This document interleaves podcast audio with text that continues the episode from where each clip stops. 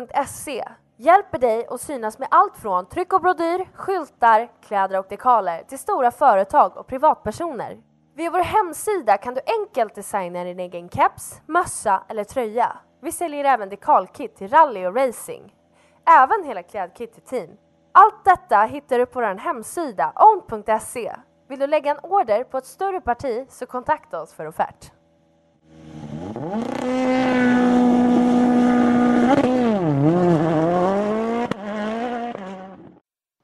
Rallypodden presenteras i samarbete med Top Cat Fishing Guide Fiskeguiden för dig som gillar motorsport helt enkelt.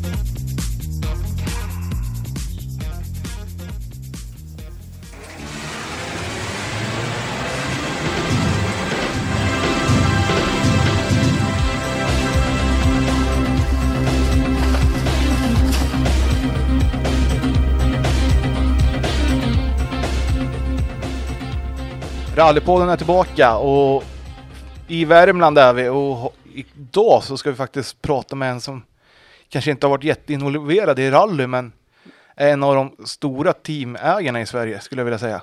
Mm. Det är riktigt intressant som vanligt. Våra gäster är alltid lika intressanta att lyssna på. Så är det och framförallt alltså, vi har inte haft med någon teamägare innan. Nej, det här ska bli spännande. Ja, och idag har vi äran att presentera Joel Kristoffersson. Välkommen till Rallypodden! Tack så mycket, tack så mycket, kul att vara här. Ja, riktigt kul att du kunde ställa upp och med kort varsel också. Ja, ja, ja, nej men det var ingen fara. Jag var i Ungern men eh, jag hann hem så det var lugnt. Så, ja, jättekul. Och för de som inte vet vem Joel Kristoffersson är, vem, vem är du? Ja, som sagt, eh, Joel Kristoffersson, eh, jag äger JC Raceteknik eh, och eh, driver det eh, mestadels rallycross. Eh, vi håller på med en del rally eh, och eh, men huvud, huvudsynpunkt är ju rallycross och eh, crosskart. Ja, och ni har ju skördat stora framgångar under de här senaste åren som har varit och vi kommer komma in där, i det längre fram under podden också. Men hur kom du in i, i motorsporten? Ja, det var, eh, min eh, far eh, och mamma var ju väldigt intresserade i rally och rallycross så vi var ju i Höljes och vi åkte runt på Svenska rally och allt det här när man var liten och där växte det väl och sen så min far hjälpte eh, Bror Danielsson att skruva och då var man med i garaget där och ja, då blev man mer och mer intresserad. Och, men sen så började vi med gokart. och på den vägen var det. Starta med mikro och körde på där och, och sen för att komma in i första steget där var ju jag träffade Timmy Hansen eh, i, på gokart så blev vi lite kompisar där och fick hänga med Kenneth och Timmy och dem på lite rallycross och, och där fick man vara lite mekaniker och städa presenningar och sätta lite däck och så. Den vägen var det. Ja, kul att höra. Jag tänker när man börjar med gokart, då är man ju runt tio år och hade du intresset redan då med att hjälpa till att skruva med din egen kart eller var det så, Ja, så det att var det ju. pappa var det som gjorde det mesta eller? Nej, jag gjorde nog det mesta faktiskt. eh, Till att börja med i alla fall. Eller, och det var ju att tvätta och greja och så. Och sen, eh, jag vet inte, jag tror det var nog jag som var mer intresserad att köra vad farsan var egentligen från början och fick med. Men det var, det var, var kul och man får ju lite rolig gemenskap, eh, även far och son och få greja i garage och sådär och man lär sig mycket och, och så. så att, eh, men eh, sen insåg man väl att man tyckte det var roligare att skruva än att köra. Ja, alltså man kommer till en, en sån punkt också att man måste ju välja kanske vad man vill göra också. Ja, precis. Jag körde ju ICC som det hette då, KZ som det är nu, men eh, när jag var 16, 2006 då, då så kände jag väl att när jag åkte SM där att man hängde inte med och ja, ska man fortsätta där och ja, pengar och allting det där och då kände jag att nej, jag skulle nog vilja hålla på och skruva istället och då tog man ju det här valet med gymnasiet också och då, det var då jag sökte till Stjärneskolan i Torsby. Ja, och det tycker jag vi ska lyfta lite med Stjärneskolan där, för vi har ju extremt många duktiga mekaniker och förare som har gått där uppe. Och vad skulle du säga är fördelen med, med gymnasiet uppe i Torsby där? Det är jättebra liksom att de, de verkligen, de har ju enorm kontaktnätverk och får, och verkligen fokusera på motorsporten och, och rally som är, och är ett mecka där uppe. Och, och jag tror varför, varför Stjärnerskolan har lyckats så bra är ju som sagt kontaktnätverk, men de har ju, de har ju Peter Solberg eh, fem minuter ifrån skolan och sen så har de ju, nu har de ju oss en timme ifrån och du har Arvika med Kristoffersson och ja, du har så jättemånga nära som, som kan ta hand om de här och de har haft bra lärare som har eh, hjälpt dem och pushat dem och kom ut och det, det är jättekul att se och jag, både jag har väl anställt tre stycken sedan de eh, hade haft praktik hos mig så det är jätteroligt. Ja, det är kul att se att man tar alltså det är som att ta hand om sina era, de man har lärt upp och det måste vara extra kul att få med en sån i teamet också. Ja. Att man har lagt lite grunder och byggt, de får ju också bygga ett kontaktnätverk under den tiden man är i Ja skolan men kan visst jag är det tänka mig.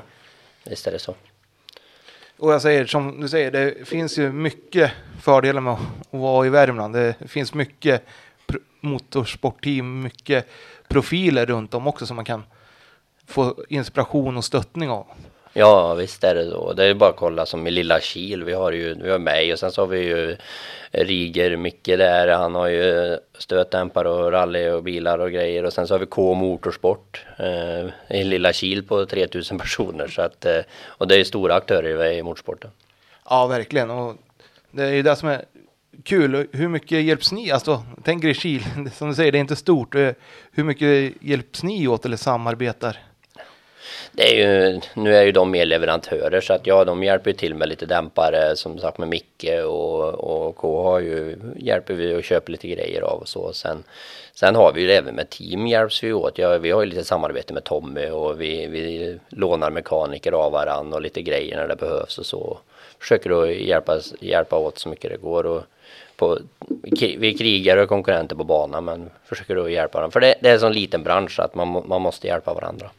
Och det är det som är skönt att höra, att, att ni hjälps åt och inte bara ser varandra som konkurrenter. För det är ju där motorsporten verkligen är ett ansikte för att den här gemenskapen som vi pratade om fanns i gokarten att man och den byggs ju på. Ju längre upp du kommer så är, är ju fortfarande den här gemenskapen jätteviktig.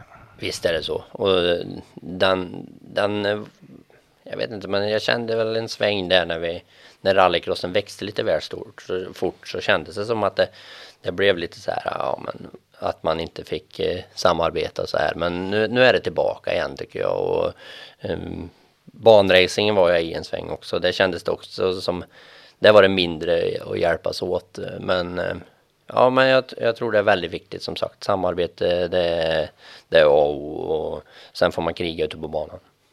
Exakt. Och som du säger, 2006 så valde du att eh, kliva av gokarten och, och ta steget till att bli mekaniker. Och det jag tänker, det är ju som sagt skolval och det. Hade du någon fundering på att gå på, i Anderstorp? För de har väl också någon motorsportgymnasium? Ja, eh, nej jag hade egentligen inte det. Jag, jag var väldigt eh, bestämd att jag skulle gå Stjärneskolan. Eh, jag hade som andra val var fordonsgymnasiet här i Karlstad. Eh, men eh, det fanns inte för mig att jag skulle gå där. Det fanns bara att jag skulle gå i Torsby. Så att eh, det, det var mitt, jag hade bestämt mig. Jag tänkte, vet du om det är något samarbete mellan skolorna där? Anderstorp och Stjärneskolan? För det är väl, är det de två motorsportgymnasierna vi har va? Ja, vi har ju ett i Knustorp också. Ja. Mm. Eh, Vi har faktiskt eh, samarbetat lite med Anderstorp så vi har haft några elever därifrån också. Eh, Men de är ju lite mer racinginriktade så de har ju skickat ut sina elever först och främst till racingteam. Det finns ju någon elev som, som vill vara med i rallycross och så men vi har haft en eller två därifrån. Ja, nej, men det är ju kul att höra. För jag tror att det är viktigt att vi lyfter sådana grejer också. Att ungdom får höra att det finns faktiskt flera olika motorsportgymnasium att välja på också. Absolut, absolut. Och motorsport, mekaniker och ingenjörer och allt sånt där är en bristvara. Och det finns, vill man, vill man bara jobba och visar att man har eh, driv och egen vilja och lite, lite social kompetens så kommer du väldigt långt i motorsporten. Absolut. Och vi ser ju bara så här om man går ut på stan. Vart som helst i Sverige just nu så är det ju hur stor epa boom som helst på ungdomar som har ett, in- alltså om man åker epa-traktor så ser jag, det finns ändå ett litet intresse. Det är inte bara så att du åker och köper en epa-traktor och sätter och åker runt i. Nej, nej, nej, precis. Jag såg någon, såg någon tidningsartikel. Jag tror vi hade 142 epa-traktorer i Kila. Någonting. Det, var, nej, det är helt sjukt, men det är jättekul att se. Ja, och hur ska man nå ut till dem? För jag tänker, vi, vi känner oss kanske rätt unga, alltså vi alla är runt 30-årsåldern. Men det har ändå gått 15 år sedan vi var i, i deras ålder. Mm. Vad tror du är viktigt att vi knyter an dem? Jag tror man får försöka samla dem på något sätt och, och liksom så att de får komma och titta på, på bilar och kanske ha någon öppet hus och, och bjuda in dem och se. Man kanske skulle bjuda dem till en rallycross eller folkracerbana så de får åka där och, och sladda eller börna eller lite vad de vill göra och så. Det är ju och för som sagt, det verkar ju vara ett stort, stort bilintresse och det, det är ju ett väldigt stort steg till att fortsätta nästa om du vill bli, hålla på med motorsport. Ja, och som sagt, varje person vi kan hjälpa till att bli intresserade är ju och komma in i det så är det ju superkul. För jag vet hemma då har vi haft några epa-träffar på, på banan. Mm. Det kanske inte har kommit jättemånga men det prat, alltså när man väl har börjat så pratas det ju om det. Ja, absolut. Och det är väl där man vill, man vill få igång snacket på stan om att det Mm. finns en motorklubb som, som tar hand om ungdomar. Och jag vet allt fler kommuner är ju jättetacksamma för att motorklubbar gör det här. Mm, mm, Så jag tror att det är en passning till motorklubbarna. Ta kontakt med en kommun mm. så hjälper de jättegärna till för att få bort det här stöket är på parkeringar och, och sånt i, Ja, i städer. precis, precis. Nej, men det är en bra idé där. Man får, vi, får, vi får jobba på det. Så, men eh, 2006, det som sagt började gymnasiet. Mm.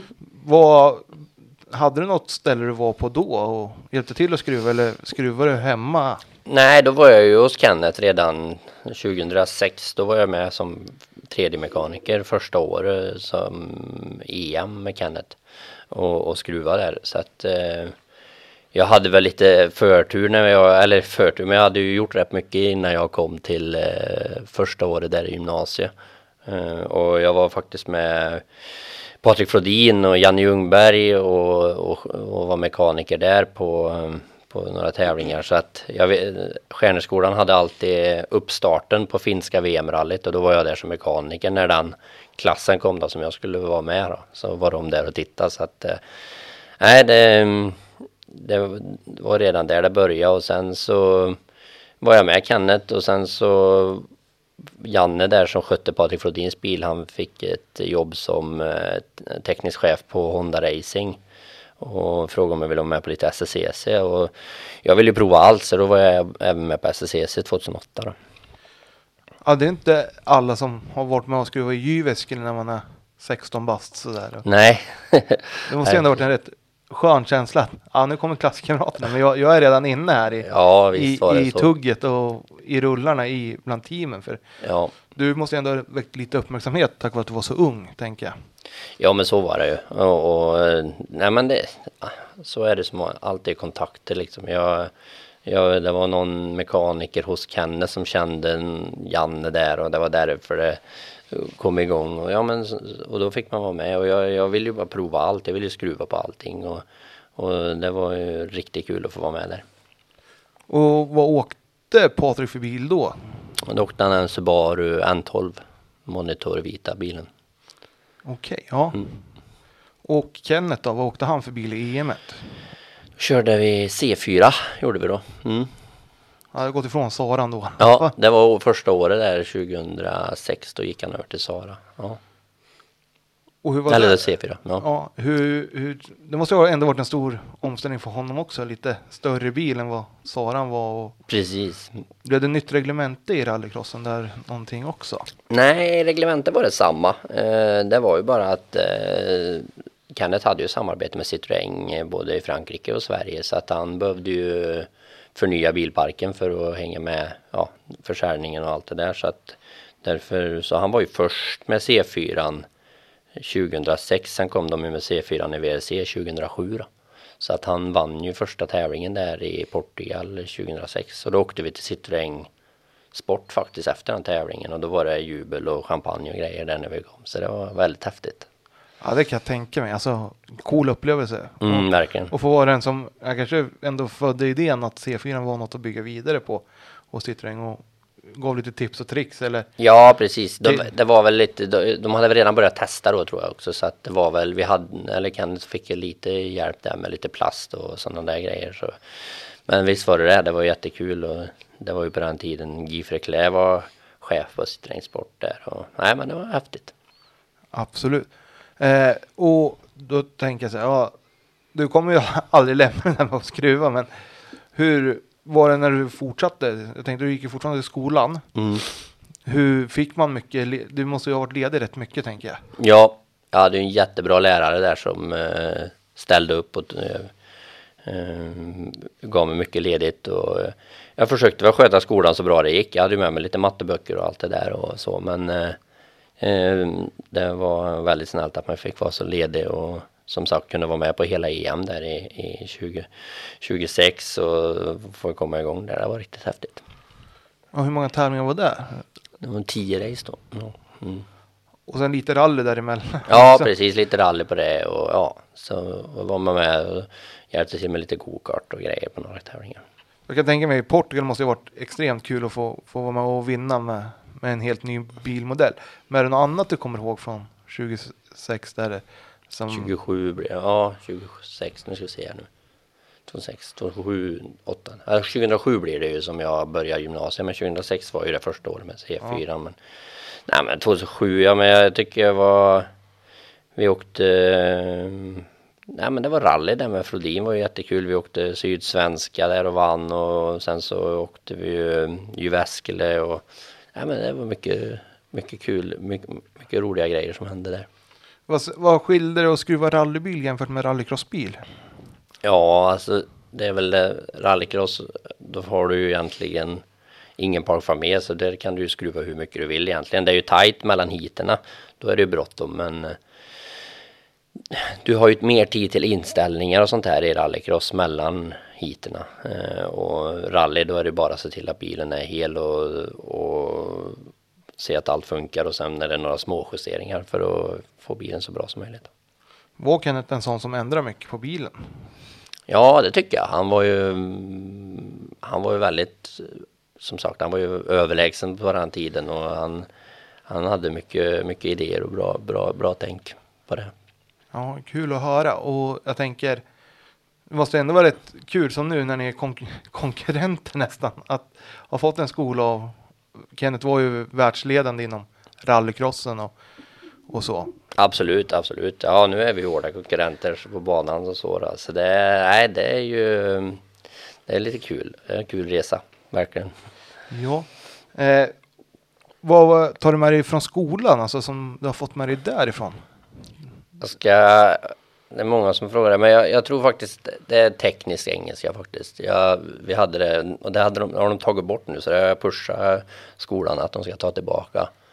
Men det här med teknisk engelska, och lära sig verktyg och komponenter och det här vad det heter på engelska, det, det tar jag med mig väldigt mycket. För eh, hoppar man fram lite till 2010 när jag om jag skruvar skruvade med Ken Block i USA så är jag väldigt glad att jag hade tränat på det. Och det var, jag, det var väl det som jag var mest intresserad av, av ämnena utanför fordon var det ju tekniska engelskan och det är jag väldigt glad för. Ja, för jag tänker, mycket måste ju vara på engelska när, när man jobbar så här ute i världen. Och som sagt, det är väldigt specifik engelska det handlar om. Det, Mm. det är inte något du sitter och läser i en engelska, vanlig engelska bok. Nej, nej men så är det. Och det är ju, allt är ju då på engelska, faktaböcker och allting sånt. Så det, det är ju väldigt viktigt att, att ta med sig och, och plugga på det. Hade du några så här tips och tricks för att lära dig? Alltså jag tänker, om man vill lära sig men kanske inte tycker att engelska är världens roligaste. Hade du, har du något tips då? Nah, kan jag ha tips? Jag hade lite tur för jag hade en engelsk mekaniker med mig där så jag körde väl lite svengelska med han och frågade vad skiftnyckel var fast eh, adjustable screwdriver eller vad det var där och det var allt möjligt. men det, till slut så kom vi väl överens om ord och så men, men det var mycket, mycket svengelska i början men eh, det tips är väl att aldrig alla vet ju att du är dålig på engelska så att det var inte feg, prata på. De förstår det ändå. Ja, det är bättre att säga fel än, än att inte säga någonting alls. Exakt. Så, Ja. Och, ja, jag tycker det är imponerande att man hinner med skolan, vara ute och resa så mycket och ändå kunna ta studenten sen också. Ja, precis. Nej, vi tog studenten där 2009 där och ja, men det var väl rätt bra eh, betyg ändå när jag gick ut. Det var väl alla ämnen utanför eh, fordon var väl inte de bästa, men det, det var, det var helt okej. Det var godkänt i alla fall. Ja, och det är ju det som är huvudsaken. Alltså man ska ju ha lite. Man kan ju inte vara bäst på allt. Nej, precis. Sen är det det där, det är intresset också. Det är det som avgör vad man vill vara bra på. Ja, och fick du vara hos Kenneth hela tiden under skoltiden eller testade du på något annat än? Ja, som sagt, det var ju där 2008. Då var jag ju med Honda istället då och med STCC där. Mm. Och då, då körde jag ju det. Hur var, alltså, vi pratade lite om att eh, STCC kanske inte var lika öppet heller som det hade varit i, i rallycrossen. Mm. Vad tror du det där berodde på? Jag vet faktiskt inte vad det blev, varför det var så. Liksom. För jag var ju van när jag kom från rallycrossen. Då satt ju alla team och kunde dricka kaffe under, på kvällen eller på dagen. Eller ja, liksom gå runt och snacka lite och hänga vid bilen. Och, men det var ju verkligen inte att man gick in till något annat team och pratade där. Det var ju väldigt hårt kändes det som. Så det var väl en... Jag vet inte, det var väl något som STCC hade byggt upp en sån. Men på något sätt så så de fick ju lite, vad ska man säga, första sidor i Aftonbladet med Flash och alla de här att det var väldigt hårda tag och grejer. Så det kanske var därifrån. Kanske var det här rivaliteten. Man Ja, ville, ville bygga upp lite Precis. fasad mot varandra. Ja, lite så var det nog. Ja. Eh, nej men alltså, och vad tar du med dig från racingskruvandet? Alltså jag tänker det är ju, är inte det extra finlir också? Och, Jo visst, nej men det, det var ju mycket man, man fick ju, det var ju mycket med setuper och det var liksom mer med fininställning, höjder och kamber och man justerade under kvalet och man kompenserade mot bäggade däck och nya däck och sånt här. Och, så att det var ju en helt ny värld för en annan och som kom från rally och rallycross. Så att eh, det var ju väldigt mycket med det här med inställningar och setuper man fick eh, lära sig där. ja, och vad kallas det? Man ställer upp bilen på en, Setupbord, ja. Ja. Mm. hade du jobbat med något sånt innan? Ja, vi hade ju det på rallycrossen också då. Så att, eh, men här eh, då sätter man ju i rallycrossen då brukar vi ställa upp en på setupbord när vi åker från när vi är i verkstaden och sen så kollar vi när vi kommer hem igen. Men eh, nu, är- nu är det ju inte så i rallycrossen, nu är det ju varje dag. Men, eller, men banracingen så var ju det hela tiden. Det var ju bara justeringssetupbord och det var ju millimeter hit och dit.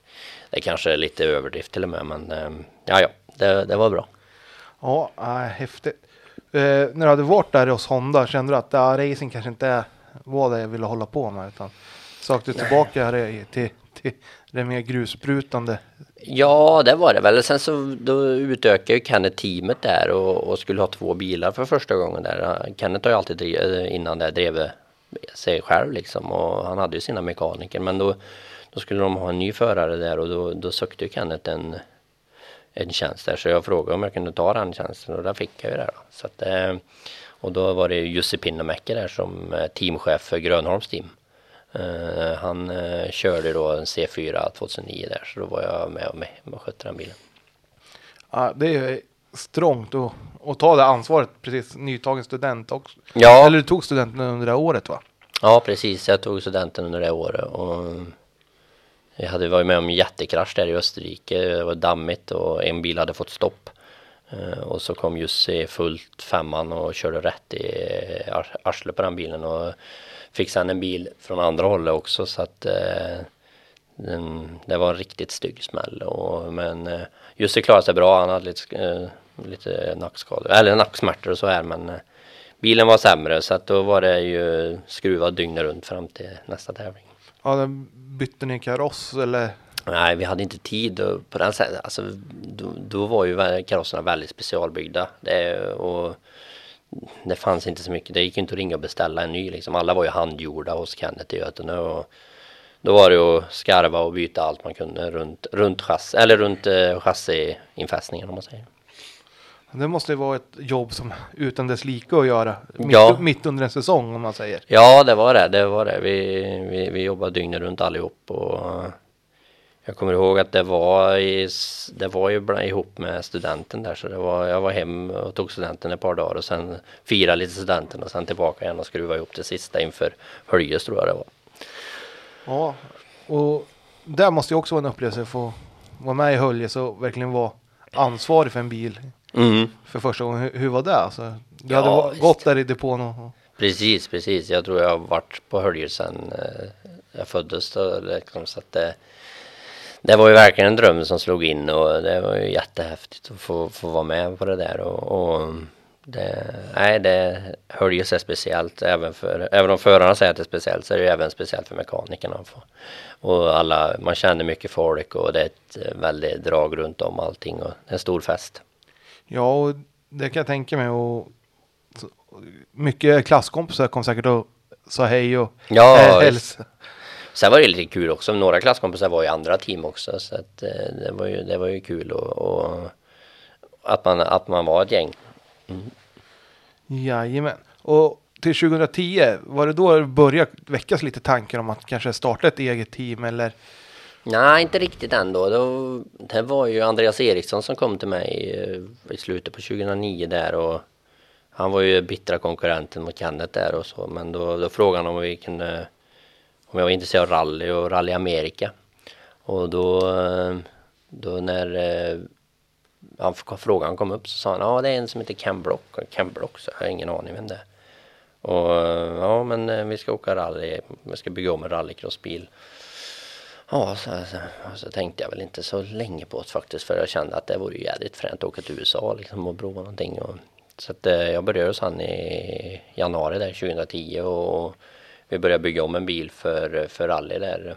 Ehm, det var faktiskt en bil som hade gått Pikes Peak året innan som Marcus Grönholm körde för Andreas då.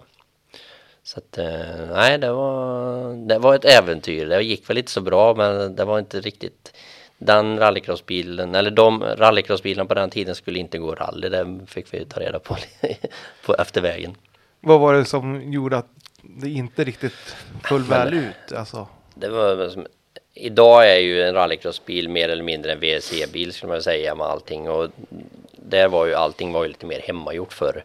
Eh, och men bara från ja, hjulupphängning och allt sånt här, det var, det var inte starkt nog och vi hade ju motorerna längsmonterade då, det var trångt med kylare och bensintankar och allting. Och det var lite enklare om det hade varit tvärställt så men vi vann ju i alla fall eh, en tävling och sen så kraschade vi mest eller så bröt vi med tekniskt så att vi fick jobba mycket och jag säger Ken Block. Alla som lyssnar på det här tror jag vet vem Ken Block är. Men Ja. alltså, vilken kille det måste vara att få jobba åt. Eller? Ja absolut. Ja, men som sagt, var, han var väl inte så känd där 2010.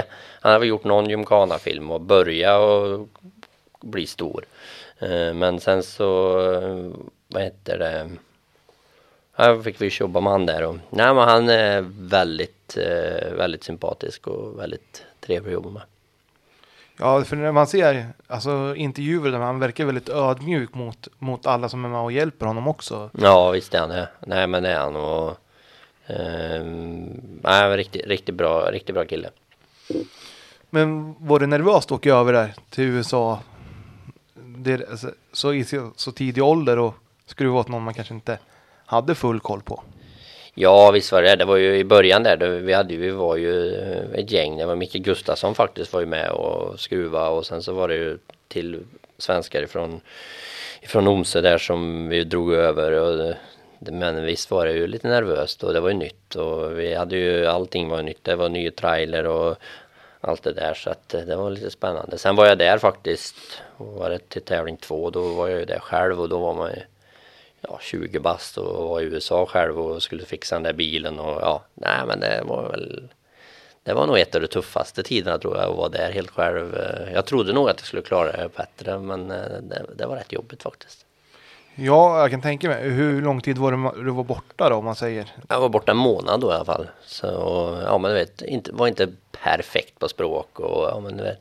Sen var jag väl i en ganska liten stad i Seattle där och det var, men eh, ja vad ska man säga, det var, det var, det var en lärdom.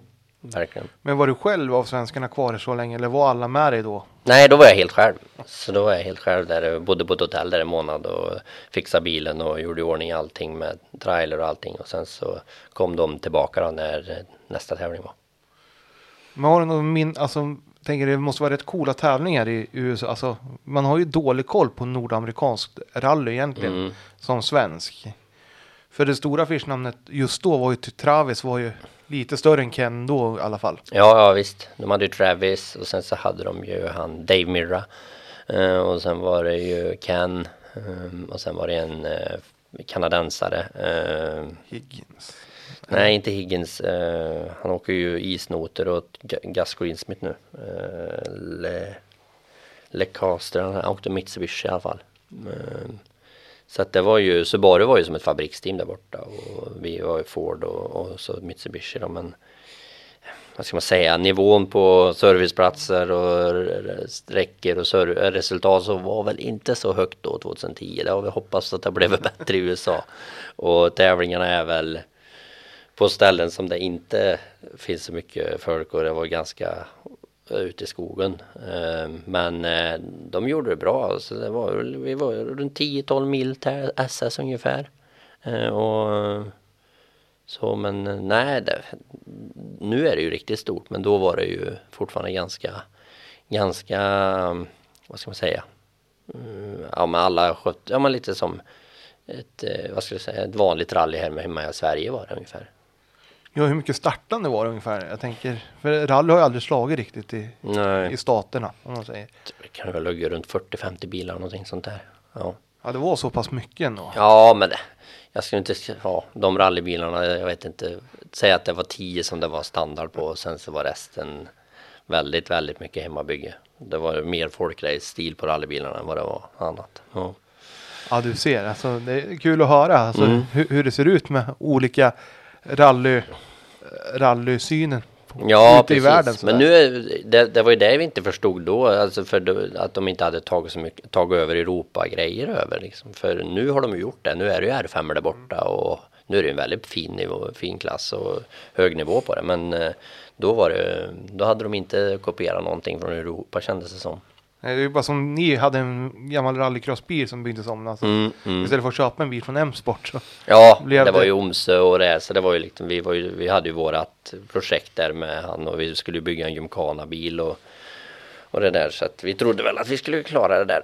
Men det, det var tufft. Ja, och efter det här året, jag tänker det tog ju lite på krafterna. Det hörde vi att du tyckte att det var rätt jobbigt att vara. Ja, det var det. Jag var väl lite matt på det liksom och eh, det var väl då jag satt där och funderade lite om vad man skulle göra och jag var sugen på att starta något eget och kanske flytta hem till, till Kil igen tänkte jag säga. Jag flyttade ju från Kil när jag var 16 och då var jag 21 så var det kul att komma tillbaka igen och jag fick låna en liten verkstadslokal som eh, farsan hade där i, i Kil och, och började prata med Ted Björk eh, faktiskt och eh, eftersom jag jobbade med han där i SSCC 2008 och då hade han inget kontrakt och, och han ville väl göra en liten omstart i sin karriär och, och ville starta, köpa en Camaro och köra Camaro Cup som det heter då. Eh, och den vägen var det så jag startade min firma där och skötte eh, Camaro Cup-bilen åt Ted då 2011. Ja, då kom du ändå tillbaka lite till racingen där. Ja, det blev det. Det blev det och det var väl eh, startskottet där för JC liksom att få börja driva och sköta grejer och då, då kände jag väl att racing, det var väl det som gällde då. då. Ja, kanske var enk, alltså en, enklaste steget att komma in i. Ja det var det ju. Sen lite flyt med Ted och hade kontakter och grejer och sponsorer och allting. Så att jag, jag var ju bara mekaniker och tog hand om bilen med, före och under och efter tävling. Men var det så att du hade med dig fler mekaniker till tävlingarna sen? Var det du som fick sköta den delen också? Ja, ja, vi var två mekaniker. eh, En till som heter Jörgen Gustafsson här från Grums. Han var med faktiskt hos Omse då, året innan. Och sen så var det Tommy Lövling som har varit med och eh, skötte inställningar och så på bilen. Och som alla vet, Ted har ju några STCC-titlar och, och så. Så alltså jag säger, det måste ju ha varit en kul grej att se att det bar frukt senare sen. När han gjorde ett litet tillbakasteg faktiskt i sin karriär. Ja, ja, visst. Det var lite nervöst för mig och för Ted. Liksom. För mig var det ju att jag var- förstod att vi fick ju inte misslyckas nu och vi var ju tvungna att göra ett, ett bra år för Ted och, och samma för han körningsmässigt. Men eh, det gick ju bra och vi lyckades vinna mästerskapet och, och han fick ju kontrakt med Volvo och han, där är han än idag. Jag tänkte säga, han är ju kvar där och har till och med vunnit någon VTCs. Ja, han vann. VM-guld. Vad kan det ha varit då? 2017, 18 någonstans. Ja, nå- någonting Mm. sånt. Och det måste ju ändå vara riktigt kul för, dig också att du var med och vände Absolut. karriären uppåt. ja, men det är jättekul att man har varit med om där. Så är det ju verkligen. Och efter den här säsongen då, vad, vad är det bästa minnet från, från den tiden med Camaron? Ja, jag tror det är finalen Mantorp. Vi körde kvalet där. Han satte snabbaste varv tidigt på kvalet och sen så rasade bakaxeln eh, på sista varvet. Så då fick vi skimsa om och bygga en ny bakaxel på natten där och nervösa som bara den att vi hade fått det där rätt och allting. Men eh, han åkte ut och säkrade titeln redan i första racet där. Eh, plus att vi hade fått eh, förfrågan då från KMS att sköta Teds bil för han var ju medhjälpare där för att säkra guldet för Ekblom. Eh, så att vi skötte ju även den biogasbilen och en Camaro Cup-bil samma helg där. Så det var lite körigt i depån då. Ja, det kan jag tänka mig. Och hade du, ni, jag tänker du behöver ju haft mer folk med dig då. Ja, vi var en gubbe till, han var kvar med biogasdelen. Sen var vi två på Camaro-bilen och sen så åkte vi fyrhjuling mellan tälterna där och skötte den där bilen där. Så att, eh, men det var jäkla roligt. Jag kan tänka mig lite stressigt då när bakaxeln rasar också. Vi Ja. har en bil till. Som, Som tur var så var det ju färdigt då, så vi hade ju natten på oss i alla fall. Ja, STCC var också klart. Eller de kanske är kvar en annan Ja, de var kvar, klara då. Så att vi, hade, vi behövde inte skruva så mycket på den bilen då. då. Så då fick vi jobba lite med raggarbilen där. Ja, det måste vara ett as att jobba. Så det är ju rätt stor bil och Ja. racing med. Ja, sen är det lite gammeldags också på något sätt. Det är ju lite Amerikastil liksom. Det, men, så att eh, det var ju, det var ju en, en kul lärdom och vi hade ju ett jätteproblem i början på säsongen där eh, Aspen hade ju levererat fel etanol. Så att det kokade ju och eh, vi var det första bilen som fick problem och de sa nej men det är något fel på eran bil. Och, och vi höll på att testa och vi har testat och Mm, etanolen började koka. Det var det som hände så det, det tog slut på bränsle i förgasaren. Och vi kom till Mantorp och vi hade inte hittat fel än, men vi visste att åkte vi på vanlig handelsetanol, då gick bilen. Och vi sa det till dem, nej men det kan inte vara det och det kan inte vara det. Men till Mantorp då började alla bilar krångla. Så då var det ju tävling ner till bensinmacken, vem som kunde köpa etanol först. För då var det fritt, för då fick alla åka handelsetanol på, på den tävlingen. Och sen fick Aspen lösa det problemet. Så det, men, men. Ja, det, mä- mätte ni då styrkan i handelsbensinen eller? Nej, vi gjorde inte det, men vi, vi fick bara, vi, vi, jag vet inte vem som kom på det, men vi, åker, vi åker och köper vanligt, så bara prova. Vi provat allting annat och det gjorde vi och då funkar det. Så att, eh, det visste vi faktiskt om, och vi, men eh, det var ingen som ville lyssna på oss då. Men vi var väl lite för nya, för gröna i den klassen. Ja, men eh, lite så är det väl att ni som nykomlingar ska inte komma här och säga att Nej, och lite så var det nog. De trodde väl mest att vi inte hade ordning på förgasaren eller vad det var. ah, kul att överbevisa då och, visa att vi hade faktiskt det. Ja, det var det ju, absolut. Men eh, till 20, vilket år? 2013? Nej, 2011 var ju det här då. Ja. Sen så under det här 2011 så var det Kenneth som ringde och frågade om jag kunde bli med på X-Games eh, och sköta, eller sköta, han ville ha hjälp med kontakter i USA då. Så att det var Kenneth, jag och en till som åkte över och, och körde X-Games då. Då var det ju både rally, rally sprint kallar de det och så var det ju vanlig rallycross också då. Eh, så vi vann ju första dagen rallysprinten där emot Grönholm. Eh, och sen andra dagen så stod vi i pool där med, med Liam i finalen. Eh, men så bestämde sig Ford för att torpedera bort oss i första sväng så att de fick vinna. Så att eh, då blev det, sk- blev det skrot istället där. Men eh, och då var det ja, kontakter igen. Eh, jag träffade lite folk där och vi pratade lite och då var det genom Liam och människor där som ringde till mig på, på hösten där 2011 och frågade om jag var intresserad av att starta upp ett rallycross-team i USA. För då hade ju rallycrossen tagit fart där borta, eh, Global Rallycross. Och mm, ja, det var jag lite intresserad av och visste vi inte riktigt då vad allting handlade om men jag fick reda på att det var Travis som skulle köra och att han hade eh, avbrutit kontrakten med Subaru och skulle köra för Dodge för att han skulle börja köra Nascar.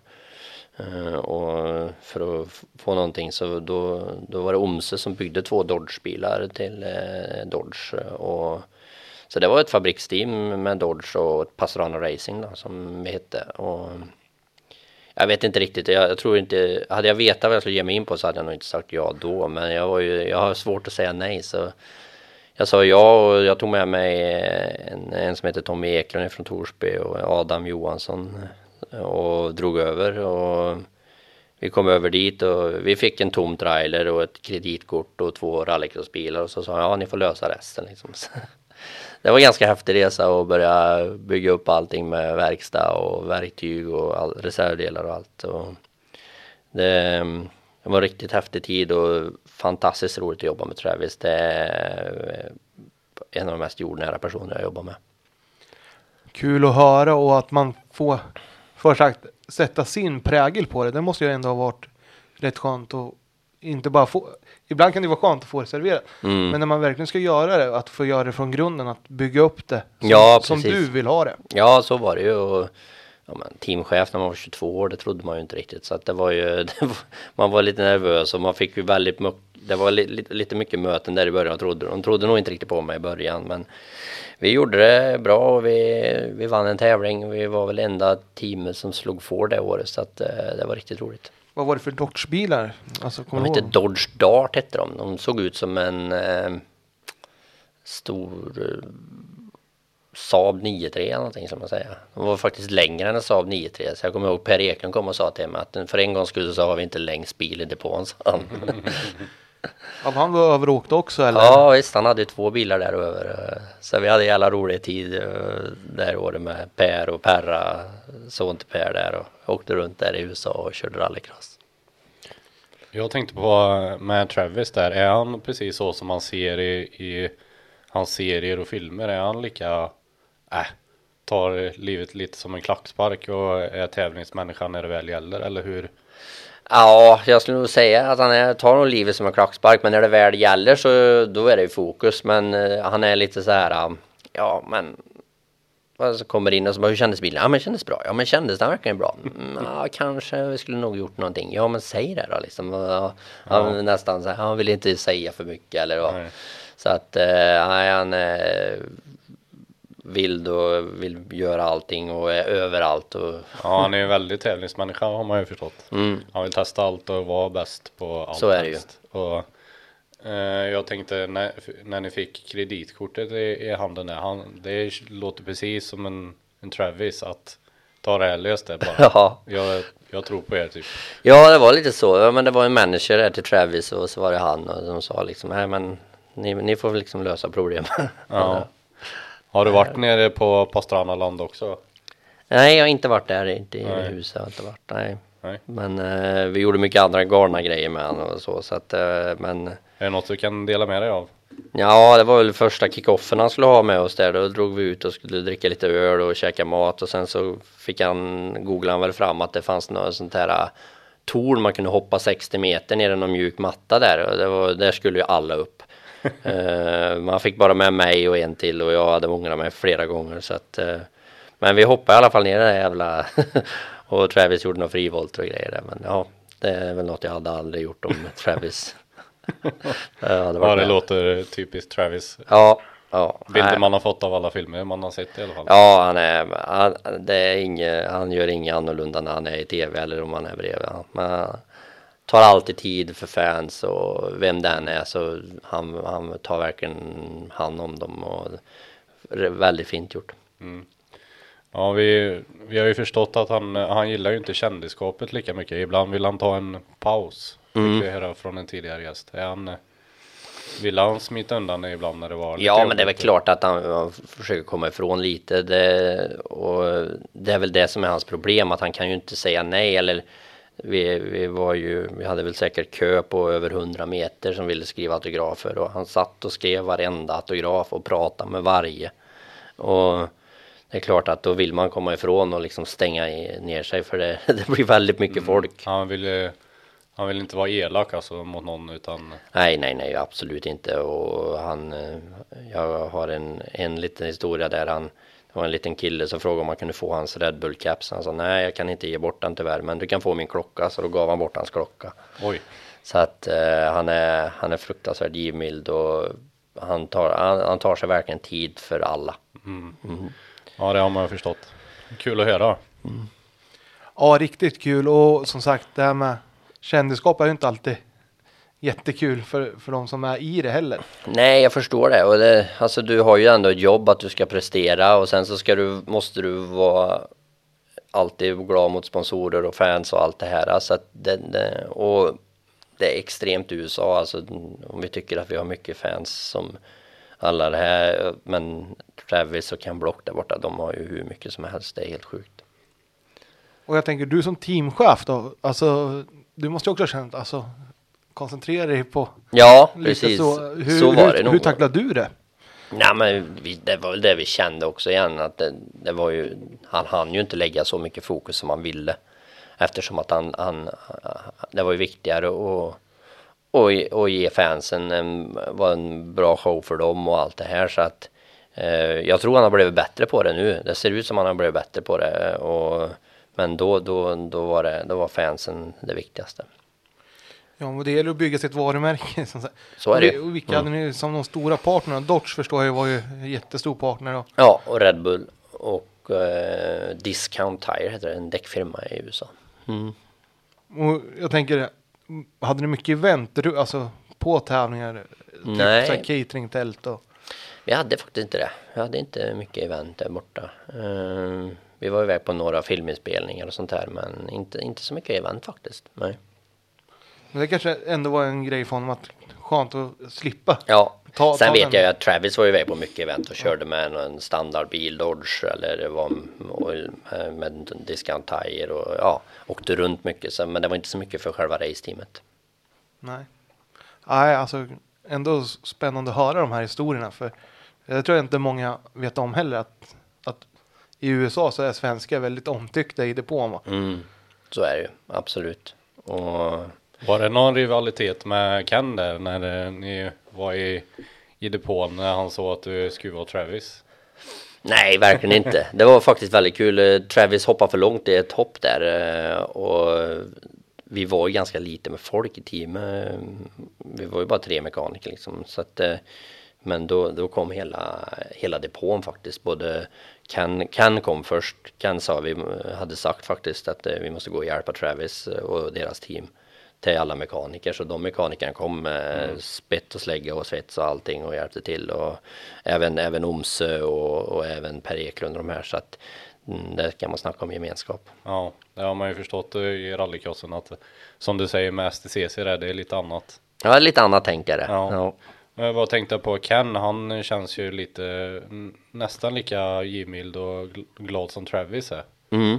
Men eh, inte alls lika hype eller vad man ska säga. Nej, men han har ju sin stil. Sen, sen så tror jag, eller jag tror, men jag, jag kände ju på, på Travis, eller på Ken att han, han var ju en sån kille som nästan lite ja, blyg i början, eller vad ska man säga, innan, innan han lärt känna dig, innan han tog dig in, in i hans liv. Men för det är ju så, du, de träffar ju så sjukt mycket personer så att det, de vill ju inte att någon ska bli illa behandlad på något sätt heller så att de, de försöker väl ha en bra distans mellan, mellan fans och team och ja, sponsorer och sånt där. Ja. Jag tänker under den här tiden, alltså, som teamchef med, med så kända chaufförer. Var det någon gång det blev någon sån här dispyt att ni inte tyckte likadant eller det var någon som kom och sa något till dig som du tänkte att vad, vad menar de nu? Nej, vi hade ju någon krismöte med Dodge där en gång.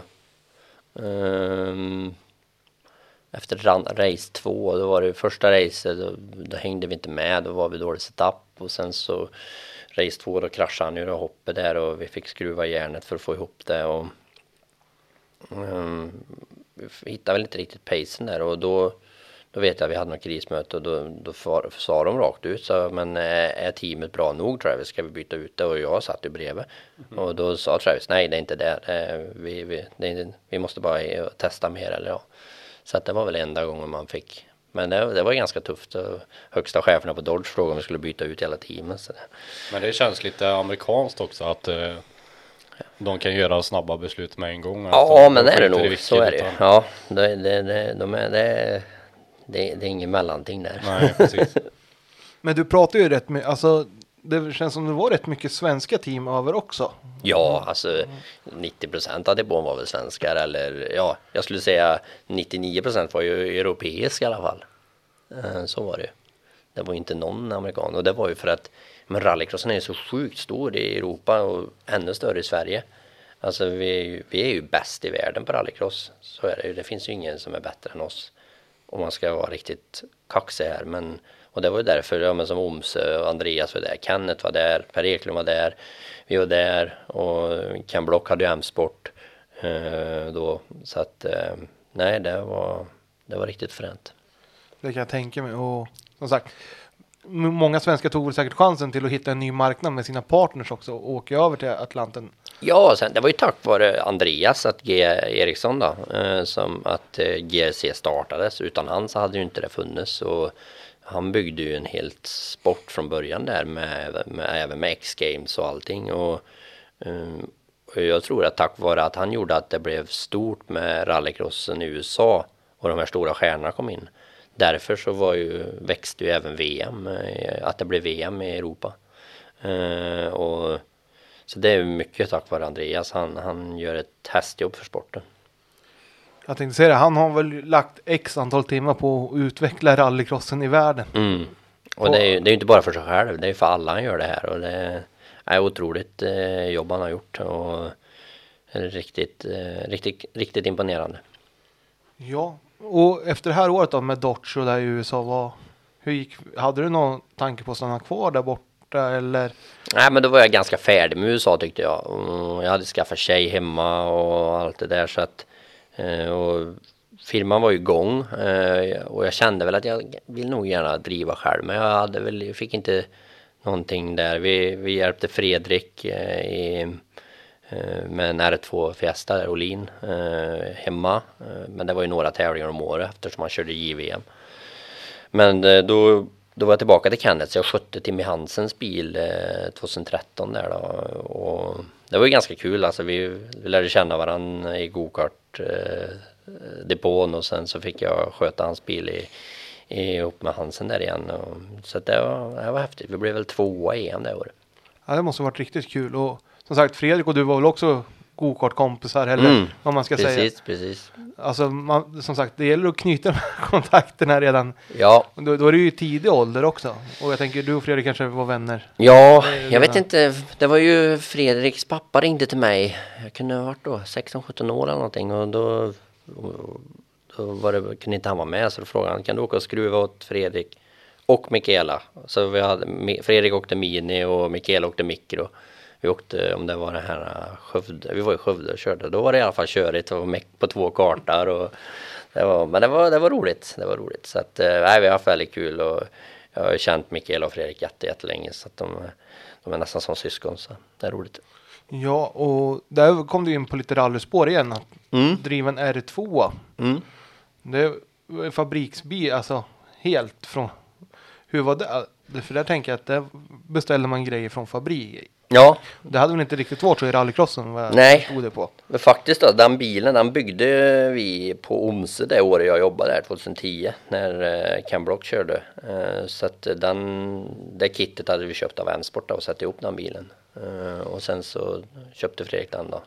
Och nej, det var riktigt roligt och det måste ha varit 13, var det 13 eller 14 när vi, vi vann i Östersund totalt där, två VD i vintern där. Och slog alla de här stora åkarna i Corolla och allt det där så det var ju riktigt fränt med en R2.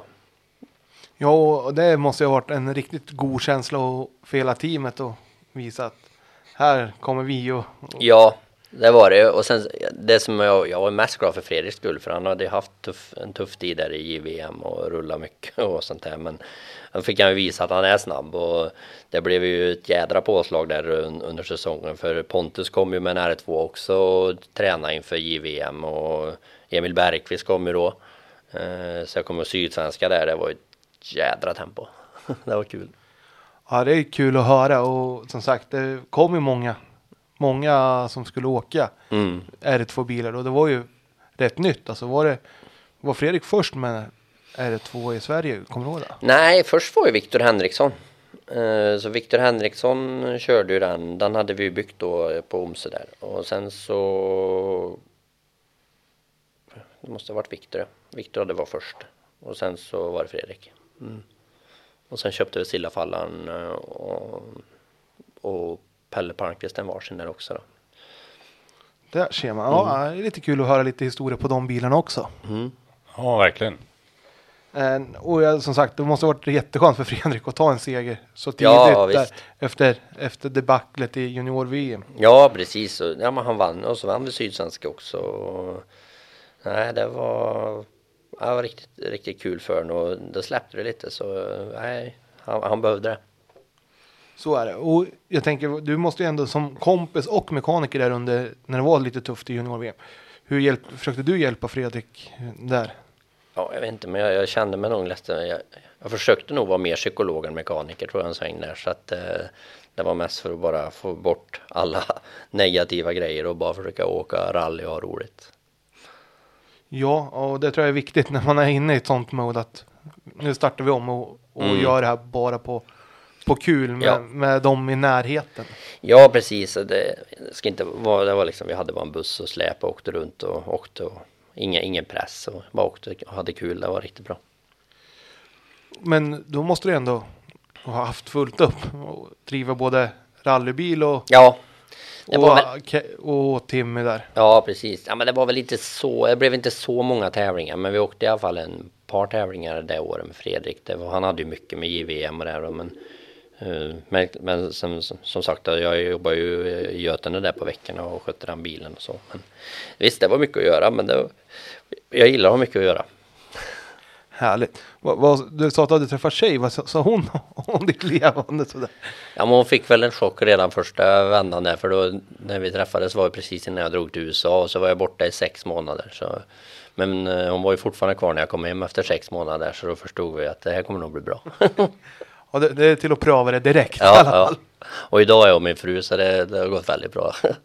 Ja, det är bra. Då har man en förstående. Det, Ja. det gäller nog att de är lite förstående om man ska ut och flänga och fara i Ja, det är ju det och det, det gick väl bra. Men nu har vi ju fått barn och grejer så att eh, nu är det väl lite jobbigare både för henne och för mig att vara borta och så. Men nej, hon är grym. Hon är grymt bra. Ja, skönt att höra. Och hur, som sagt, hur gick det för Timmy där under det året du var med honom? Jo, men det gick ju bra där. Vi vann väl vann vi ett par tävlingar det året och sen så ja, avslutade vi och blev tvåa i EM och teamkompisen Timmerciano vann EM-guld där 13 då. Uh, och då, men då var det ju lite, då hade jag väl, då var jag väldigt sugen på att ha lite mer allting i kil och få hålla på och um, då var det Mats Öhman faktiskt som um, köpte två Citroënger av Kenneth och Kenneth bytte märke då och gick över till Peugeot eh, till 2014.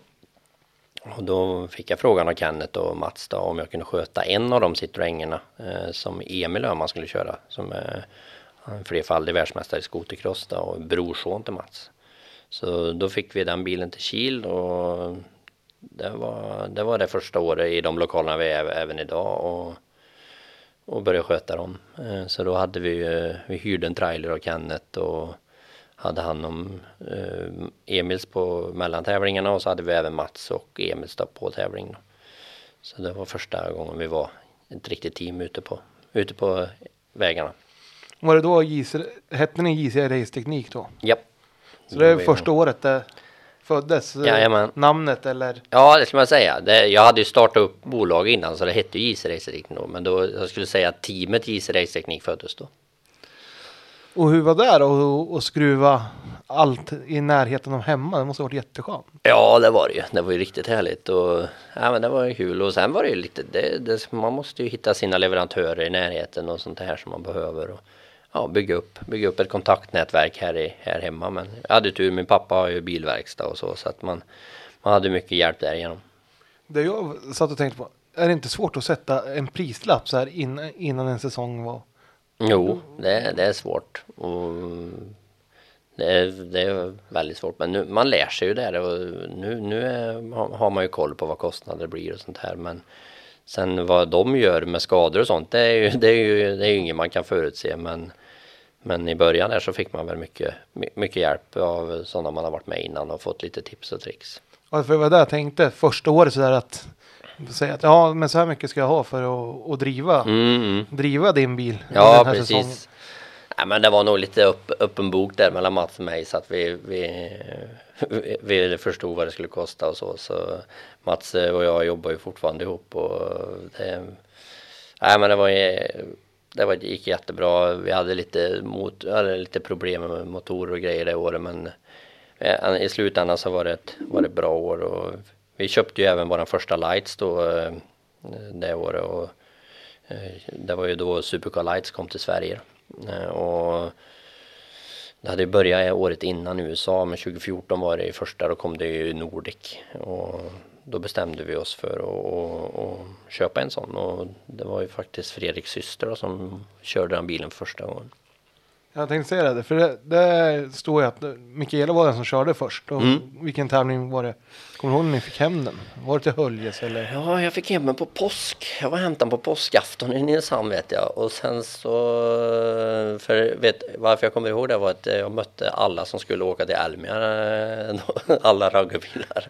Men eh, sen så var det ju Knutstorp där några helger efter då, som var premiären. Då körde vi ju på eh, SSC, ja, baklänges där på eh, SSC-banan där. Ja, kul och verkligen få åka och hämta en, en Mm. bil i, i den fabriken man har varit med och jobbat i Ja, också. visst. Och ny bil och ny, ny klass och allting. Det var riktigt häftigt. Det, det måste varit en ett milstolpe i, i JC Race teknik. Absolut, det var det ju. Och det är ju Light som kommer att göra att JC växer sen. eh, Och det är ju, vi, vi började ju som sagt, vi åkte Nordic och vi åkte lite RX2 i Europa med den bilen. Eh, Och i slutet på det året så var det folk som frågade om vi kunde hjälpa dem att driva och fick in en norsk kille där som köpte en bil och skötte den. Var det Vål eller? Ja, precis. Ja, så Joakim Wåhl. Och sen så då eh, på, på vintern där så bestämde vi oss för att köpa en, eh, en trailer. Eh, och den byggde vi så pass så att vi kunde ta med fyra bilar då. Och eftersom vi hade två så försökte vi hjälpa en del att transportera bilar och grejer. Så jag vet första tävlingen då hjälpte vi ju transporterade vi bilen åt Tobias Brink till Portugal. Han körde RX2 där. Och, det var ju lite för att man var ju tvungen att försöka få in inkomster överallt för att få det att gå runt och det gjorde ju att det blev lite billigare för alla att åka till till exempel en Portugal-tävling är ju jättedyr men då var man tre som delade på kostnaden så blev det bättre. Och då hade vi två bilar och det var ju 2015 där och ja och då var var, ja, det var första killen vi anställde då, eh, så då, då var jag inte själv i verkstaden. Det måste ju också vara skönt att få, få en till och, och ha och gå och strosa. eller? Absolut. När man är, för det kan tänka sig att man kanske, eh, inte för att jag tror det, men när man är hemma sådär, du, ha- blir- det är kanske lite lättare att bli bekväm då också. Att, Så är det ju. Och, och sen, men sen var det ju mycket, man skulle ju ändå boka, man satte där mycket vid datum, man hann ju inte med allting heller. Och, fast man bara hade två bilar då. Men det, eh, så att eh, det var, det var skönt att ha med en kille som kunde gå och, och hålla koll hela tiden och, och ha fullt. ja, jag tänker det, under, när, den när du var själv där, alltså, jag kan tänka mig att ibland glömde du någon, har du glömt någonting så här, som- Det har jag kom- säkert gjort. som du... Men då har jag "Oh, förträngt det. Ja, så här, att jävlar, det där har jag missat nu och Ja. boka någon biljett sent eller Ja, det har ju varit många gånger att man har bokat biljetter på väg till flygplatsen för man tror man har bokat det. Så det, det, är, inte, det är inte ovanligt, men det händer tyvärr även nu.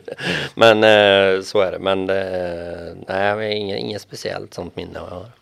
Men körde du trailern själv också eller hade du någon som körde Nej, inte då. Inte då. Då hade vi ju, vi hade en kompis där i Kil som hjälpte mig och körde i början och åkte runt och sen eh, som sagt då, teamet växte ju där och vi var fler bilar och då behövde vi fler mekaniker så då fick vi ta upp lite mekaniker som även kunde köra lastbil och sådär så att man eh, nej det var, det var kul. Ja, hade du tankar på att få in lite crosskart-killar här redan nu eller Kommer Ja, kommer det lite senare? Jag kommer det faktiskt inte ihåg. Jag, jag vet om det var 15 eller 16. Men det var i alla fall, det började faktiskt med, eh, vi var i Östmark och tittade på SM.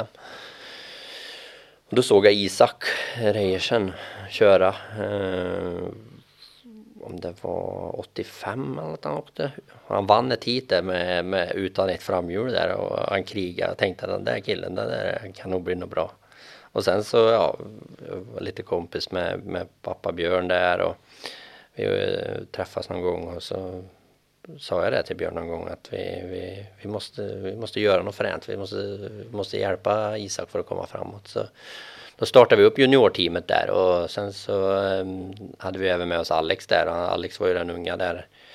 Isak var väl 12 och då var väl Alex 9 då. Så att, um, Vem Alex? Alex Gustafsson. Okej. Ja. Och uh, han vann ju Nordic här för 2020 vann han ju Nordic i Crosscar Junior. Och, och uh, blev tvåa i Crosscar Junior i, i 2021 här. Ja, coolt och att få, få vara med en sån resa också. Ja. Från, från början. Absolut. Och nej men det var kul och i början där så var det lite svårt när de körde crosskart-SM. Då hade vi mycket med rallycross och det krockade mycket så jag kunde inte vara med så mycket men jag försökte så mycket jag kunde och de hade bra, bra folk omkring sig på tävlingarna så att de, de skötte det där galant. Men sen så var det ju roligt när Nordic tog in crosskart och vi kunde både ha Isak och Alex eh, i, i Nordic då. Och det var ju från 2019 måste det vara. Mm. Men som sagt, om vi återvänder lite till när ni byggde upp Lights-verksamheten. Så uh, kom, kom det sig att det blev light som blev huvudfokus för, för JC. Ja, men det var, det var en bra klass. Det var, det var lätt att driva, ganska billig skulle jag säga. Eh, och det, det, var, det var bra intresse runt det. Eh, och, vi, vi, och det var många som hade bilar men behövde hjälp att sköta dem och på det sättet så, så för, fortsatte vi då. Så att vi, vi fick ju in William Nilsson och sen så hade vi ju Jocke Wåhl och så hade vi, vad hade vi mer då? Minnet. Bryntesson va? Ja, Bryntesson kom in 16. Så att det, det stämmer ja. 16 var det Bryntesson och Wård, Nilsson. Uh, så att, uh, och då vann vi ju Nordic där 2016 med Bryntesson. Mm. Det måste då, måste du ha blivit riktigt lycklig att uh... Det var ju det. Det var ju jävligt kul att få framgång redan då och, få vinna ett mästerskap. Det, vi vann ju någon tävling innan men alltså vinna ett mästerskap är, att vinna, är alltid att vinna ett mästerskap. Så att det var, det var riktigt, riktigt kul och det glömmer man inte. Och få, jag tänker OMC och, och ni var, var väl lite konkurrenter där? Ja visst, det var ju lite rivalitet där och Andreas och jag vi fightas rätt mycket i depån och vem som skulle ha, ha de bästa förarna och det så att det, det var roligt. Är det något trash talk sådär i, i depån mellan er teamchefer eller? Jag och Andreas har väl haft lite, lite mycket trash då kanske, mer i domartornen än vad vi har haft i, i depån kanske. Men ja, ja, det har väl ändå alltid blivit bra i slutändan. Men ja, men vi har haft, vi har haft en, vi har, skön, vi har en skön relation. Ja, för jag tänker lights-delarna, alltså är det så, ni fick, man fick gå och hämta det hos Andreas? Ja, eller? precis. Mm, mm. Att, eh, men jag var väl inte den som gick och hämtade grejerna, det var väl någon annan. ja, jag kan tänka mig det. Men som sagt, kan du ta någon av de här dispyter i domartornet? Alltså det är lite kul att höra. Det är väl preskriberat nu, tänker ja, jag. Ja, nej, men det var väl alltid någon gång. Jag vet inte om det var vi. Så oftast var det väl säkert jag som hade gjort fel, enligt Andreas. Men eh, nej, men jag vet inte, vi hade väl någon påkörning där och, och, och jag skrek väl på Andreas att det var no, de som hade gjort fel. Och, Sen fick man väl gå och titta på filmen och så såg man väl att det var väl helt och hållet vårat fel och det har väl varit tvärtom också någon gång och så men ja, men vi har väl haft lite krig. Sen har vi krigat tillsammans också när vi tycker att någon av domarna har gjort något fel eller någonting så men nej då, det har varit, roligt. Ja. Men eller hur, ni två är ju de två största teamen under den tiden i i, I Lights. I Lights ja. Mm. Och var det några som åkte privat utan, utanför era team? Alltså, Ja, Kenneth hade ju Kevin då, körde ju då. Eh, det var väl, ja han körde 14-15. Och då, men det var ju tufft för, eller tufft, Kevin var ju snabbast. Eh, han vann väl båda mästerskapen. Ja, det gjorde han. Så att det var, det var en eh, det var ju, det var ju lite, det var ju vi, vi hade ju tre, fyra bilar, Roms hade tre, fyra bilar och så var det ju Kevin, de var ju sitt team och det.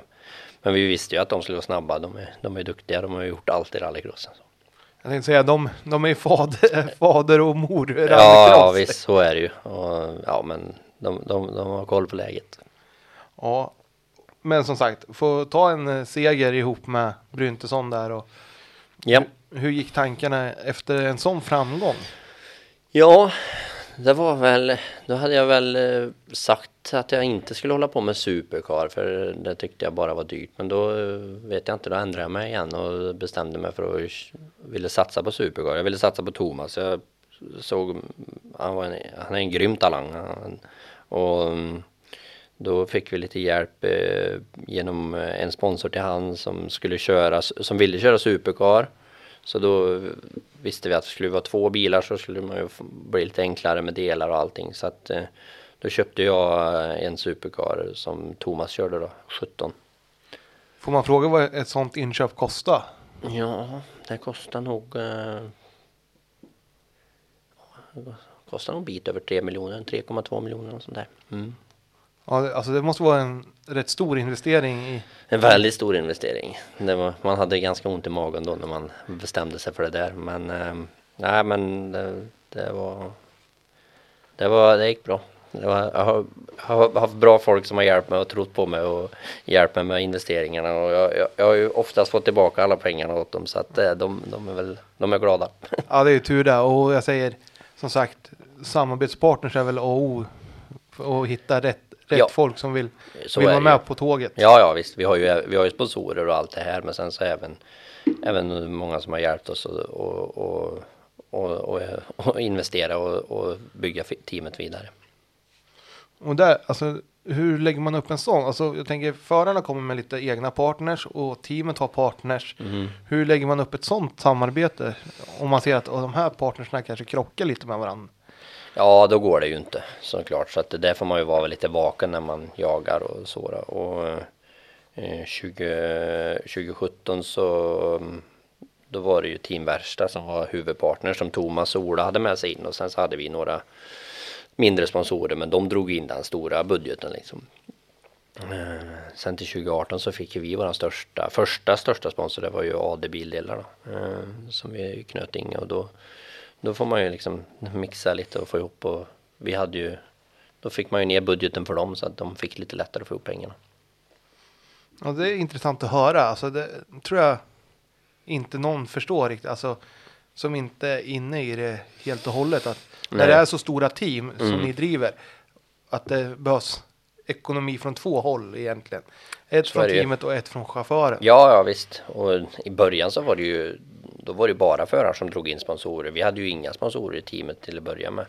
Eh, så att eh, det har ju blivit vi- mer och mer desto byggt upp ett varumärke i JC och, och fått, fått en bra, bra sponsor, ett bra sponsornätverk och sen när man när man kommer till den punkten att det, det börjar kosta mycket pengar då, då behöver man alla, alla från alla håll.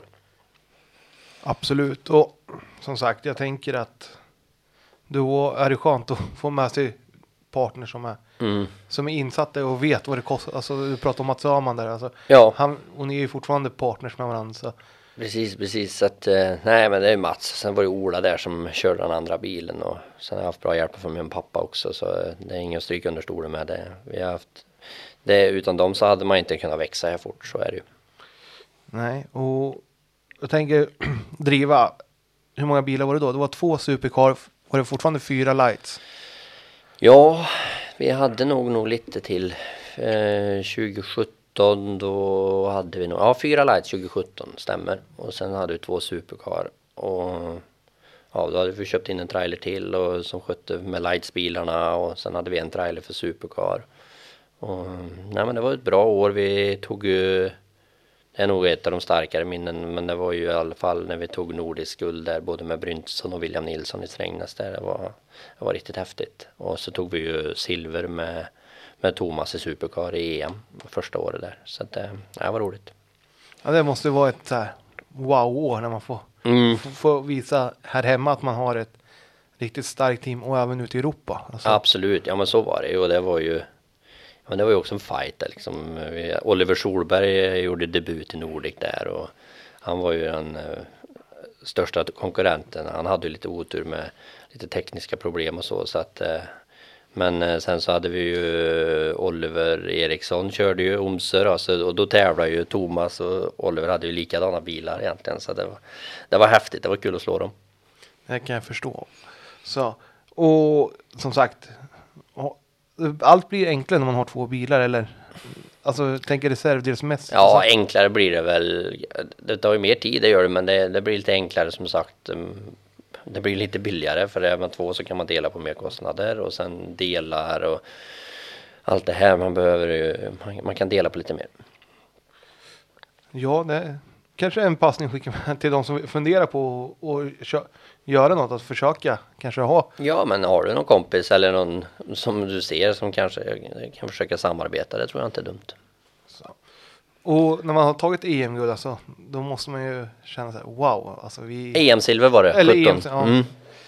Förlåt. Och- Eh, men alltså det måste ju ändå kännas en riktig fjäder i hatten och Absolut. kunna utveckla teamet ännu mer. Och hur många anställda var ni under 2017 ändå? Det är sex bilar och det var runt. Ja, vi var... Jag skulle gissa på vi var väl en... Var vi fem eller sex man då? Mm. Heltid i Kil då eller? Ja. Mm. Var vi. Eh, så att det var, det var eh, väldigt mycket. Så det var... Men eh, nej, det var... Det var jävligt kul och sen gick vi till 2018 och hade vi ett tuffare år. eh, tror väl att vi maxade lite där tyvärr. Vi hade hade vi sju slides det året. Och sen hade vi två supercar och nio bilar drev vi runt och så det var lite för lite folk eh, och sen att lite för mycket bilar eh, och vi hade lite tekniska problem det året med supercar och nej, det var ett tufft år men vi, vi vann någon tävling och slutade väl på slutade på tredje plats i EM eh, Brynte där och, och sen så blev det väl ett silver i Nordic där. Eh, och Solberg vann ju Nordic det året. Mm. Och då var final i Tierp va, när det var Ja, det var, mer än enduro-sträcken i år. Eller? då var det lite råmölj. Ja, fy fasen. Nej, det var tufft. Riktigt tufft eh, år där. Men det, det var det, det var det var en lärdom. Det var det. Jag tänker, när man har så mycket bilar, alltså logistikmässigt, alltså, te, alltså tält, catering och allt sånt. Mm. Alltså det måste vara massa jobb med sånt också. Ja, det var ju det. Så vi hade ju vi hade två trailrar och tre tält och som sagt med oss egen kock på tävlingarna och för, för sponsorer skulle ju ha mat och allt det här. Och, nej, det var, det var, det var en riktigt stor apparat. Hur mycket var du inblandad i, i den delen? Eller hade du lejt bort den delen och fokuserat på bilarna eller? Ja, det är väl det. Jag, jag var väl lite överallt. Jag var väl både, både på cateringen och, och, och hjälpte till med bilar. Och jag, skruvade inte, jag skruvade inte så mycket sen 2018 kan man säga. Det, då, har man då var det så mycket med administrativ och allt det här. Men eh, det var en, eh, men det var en, eh, det var en lärdom det år också att inse att man, man kan inte göra allting. Nej, det förstår jag. Och alltså, jag, hur var det? Fick du någon hjälp hemifrån då? Alltså att säga att Joel, du måste bromsa lite eller? eller Nej, det tror jag inte. Jag, jag gasade och gasade och gasade. In, sen såg jag, insåg jag väl själv efter säsongen att det här var väl inte så jättebra. Men eh, det var väl säkert några som sa till mig. Men ja, jag insåg nog mer själv. Och jag märkte på mekanikerna hur trötta de var efter året att det var, det var skönt att säsongen var över. Ja, och jag tänker med så mycket förare omkring sig. Hur håller man upp en? För du är ju ändå deras teamchef. Mm. Hur lyckas man hålla alla nöjda? Det känns som det är jättesvårt. Ja, det var lite det också. Men lights och det var väl helt okej. och, och allt, det var väl inte det det hängde på. Jag kände mest att vi hade, vi, vi, var väl alltid steget efter om man säger med och grejer och så. Så att eh, det, visst, det, eh, man har väl aldrig kunnat ge alla den superservice som man skulle vilja ge när det blir så mycket bilar. Men i slutändan så vet de ju att det är många bilar och ja, det, det, det, det blev så. Det, men eh, man, man fick lära sig lite om det. Och jag tänker som sagt, eh, sex heltidsanställda i Kil. Jag tänker Mm. tävlingshelgerna. Hyr man in folk eller tar chaufförerna egna meckar till tävlingar? Eller Nej, hur, vi- hur ligger det till då? Vi, vi, vi har alltid haft vårat folk med hela tiden och som sagt har vi hyr in personal då. Så att eh, just då, då, då låg man väl på ett snitt på 25-30 personer då på en eh, racehelg. Det måste också vara ett roddande att få ihop allt folk. Ja visst är det så. Tänker jag. Och, Jag har väldigt bra folk, eh, alltså de har alltid ställt upp och mm, byggt upp, ja, man byggde upp ett nätverk där med som sagt och man har fått en bra telefonbok om man säger så. ja, det måste vara skönt att man har den, den fördelen och varit med så länge när det, när det Mm. väl. För det måste ha blivit lite växtverk i, i själva teamet också. Ja men det blir ju det, så är det ju. Så att, eh, men eh, som sagt eh, väldigt bra folk som hjälpte till och ställ, ställde upp och det var aldrig något klagomål där. Det var bara, de jobbade som bara den så det var, det var kul. Kul att höra. Mm. Men hur tänkte du då, då när du hade insett att ja, nu är vi nog lite kort om folk? Mm. Var det att dra ner bilantalet eller var det att anställa mer folk eller? Ja, det var väl, vi stod väl däremellan men sen så kände vi väl nog att det var nog att vi, vi delade upp det lite mer. Eh, vi körde inte alla samma helg. Vi, några körde Nordic och några körde eh, RX2E till exempel. Eller RX2, RX2E heter det. Och, och sen så mm, stod vi där med superkarlarna och vi hade ju haft lite problem under året och vi kände väl att inte vi var så konkurrenskraftiga längre. Och, jag hade alltid tittat på en Audi och vi fick ju möjligheten att testa en Audi på hösten där 2018. Och kom i kontakt med Mattias och började prata med honom. och han hade bara en bil till salu just då. Och då sa jag det att eh, ska vi köpa en bil av dig så måste vi köpa två. Och jag visste att han hade en bil till för han hade sin VM-bil som han eh, hade gömt i ett litet rum där. Eh, men till slut så efter lite övertalan och grejer där så och med, med Mats och några, med några eh, investerare så fick vi ju ihop det och köpte två Audi av Mattias där till 2019 säsongen. Härligt att få en ny, ny bil att jobba med och vad gjorde ni med de gamla supercaren då? Jag sålde min eh, och Ola har, har kvar sin än faktiskt. Mm. Där ser man. Mm. Men två Audin in och det var ju ett välprövat kort. Alltså Mattias hade väl vunnit VM i, Mm. i sin där. Ja precis, det var ju det vi visste och alltså teamet de har gjort ett enormt jobb och de hade, test, de hade ju testat allting som går att testa. Så man visste ju att man behövde ju inte börja testa ut någonting. Men allt fanns ju där. Eh, och vi fick ju, vi var ju en jättebra start på ett bra partnerskap med EKS och JC och eh, fick ju enorm hjälp med teknisk support från dem. Och fick ju signa upp Robin Larsson där eh, till eh, 2019 och det var ju riktigt kul med en, en liten ny förare, en vilding på banan så men eh, han behövde också en ny start i sin karriär där och han hade haft några tuffa år och valde att gå ifrån VM ner till EM och vi, vi, vi liksom gjorde en omstart där med han och, och ja, vann Nordic och vann, vann EM-guld så att eh, det var ju ett helt suveränt kanonår och vann Nordic med Ben Philip Gundersen också och blev tvåa i RX2 med han och ja, en av, en av de bä- bästa åren har JC haft så sett med många, många bra resultat. Ja, och hur många lightsbilar hade du under 2019? Ja, vi hade då, vi hade två i RX2 och sen hade vi väl tre i Nordic då. Mm.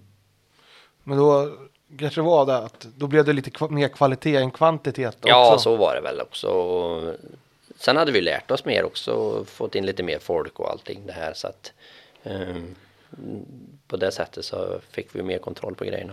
Och jag tänker Robin Larsson, han har ju en, en far också som var Ja. med någonting i bakgrunden där också? Lasse Larsson. Lasse han var alltid med men han är väl en av de mest avslappnade, vad ska man säga, racerpapperna som jag har varit med om. Han lägger sig inte i för mycket. Det måste vara skönt att ha sådana föräldrar också. Så. Ja men så är det ju. Men sen är det ändå skönt att gå till Lasse och prata också för han, han har ju en jätteerfarenhet. Han har ju vunnit tre EM-guld i alla fall. Så att eh, det var, kan vara skönt att prata med honom.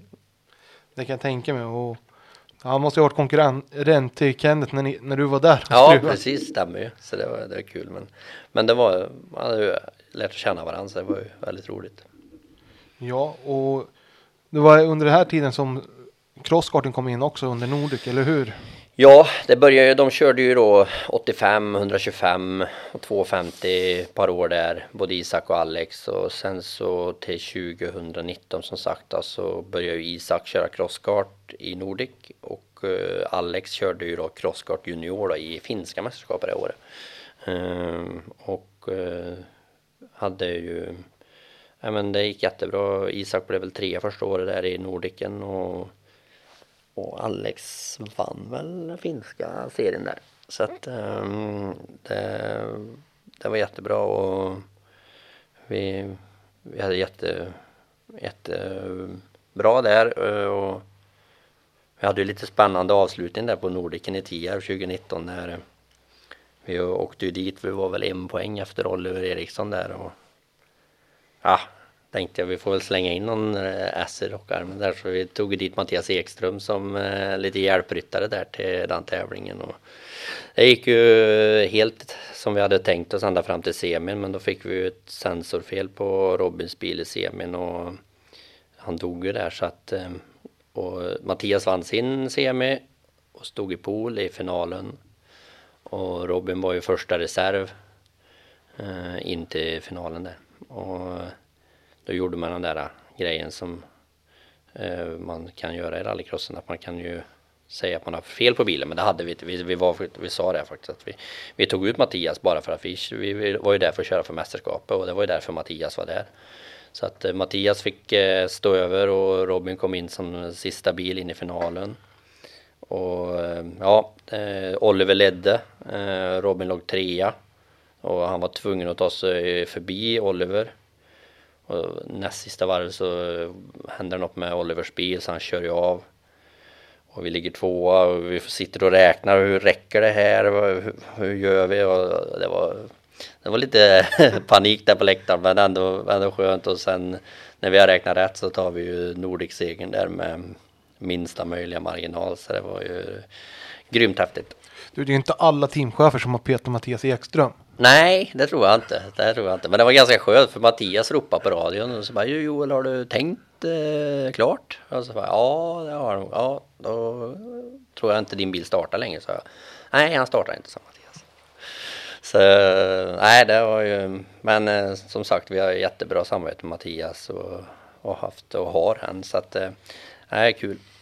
Ja, och få avsluta med på ett sånt dramatiskt Ja, sätt. verkligen. Eh, Vi hade ju vilket kanonår det var. Riktigt kul och Mats körde den andra bilen och nej, det var riktigt roligt. Ja, hur är det? Alltså, han har ju väl massa specialgrejer i. Mm. Ja, det har han ju. Så det är ju en, en, en podd för sig kan man säga.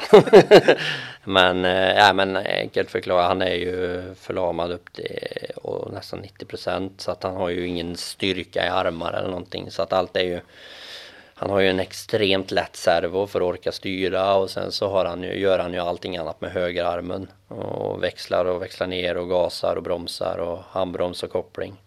Um, så att um, varje gång jag ser Mats köra så blir jag lika imponerad. Eh, det är helt otroligt. Jag, jag kan köra bilen men det är precis max tvåans växel jag kommer upp i. Eh, men eh, nej, fruktansvärt imponerande man och enormt, enormt tävlings... Fruktansvärt tävlingsmänniska är han. Men en härlig, härlig, härlig kille.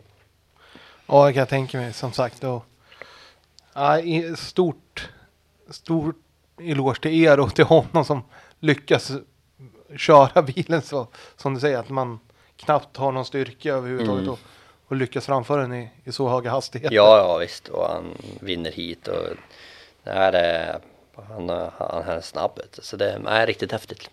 Ja, eh, och sen kan jag ju tänka mig till 2020 att ni hade väl rätt långt gångna planer där.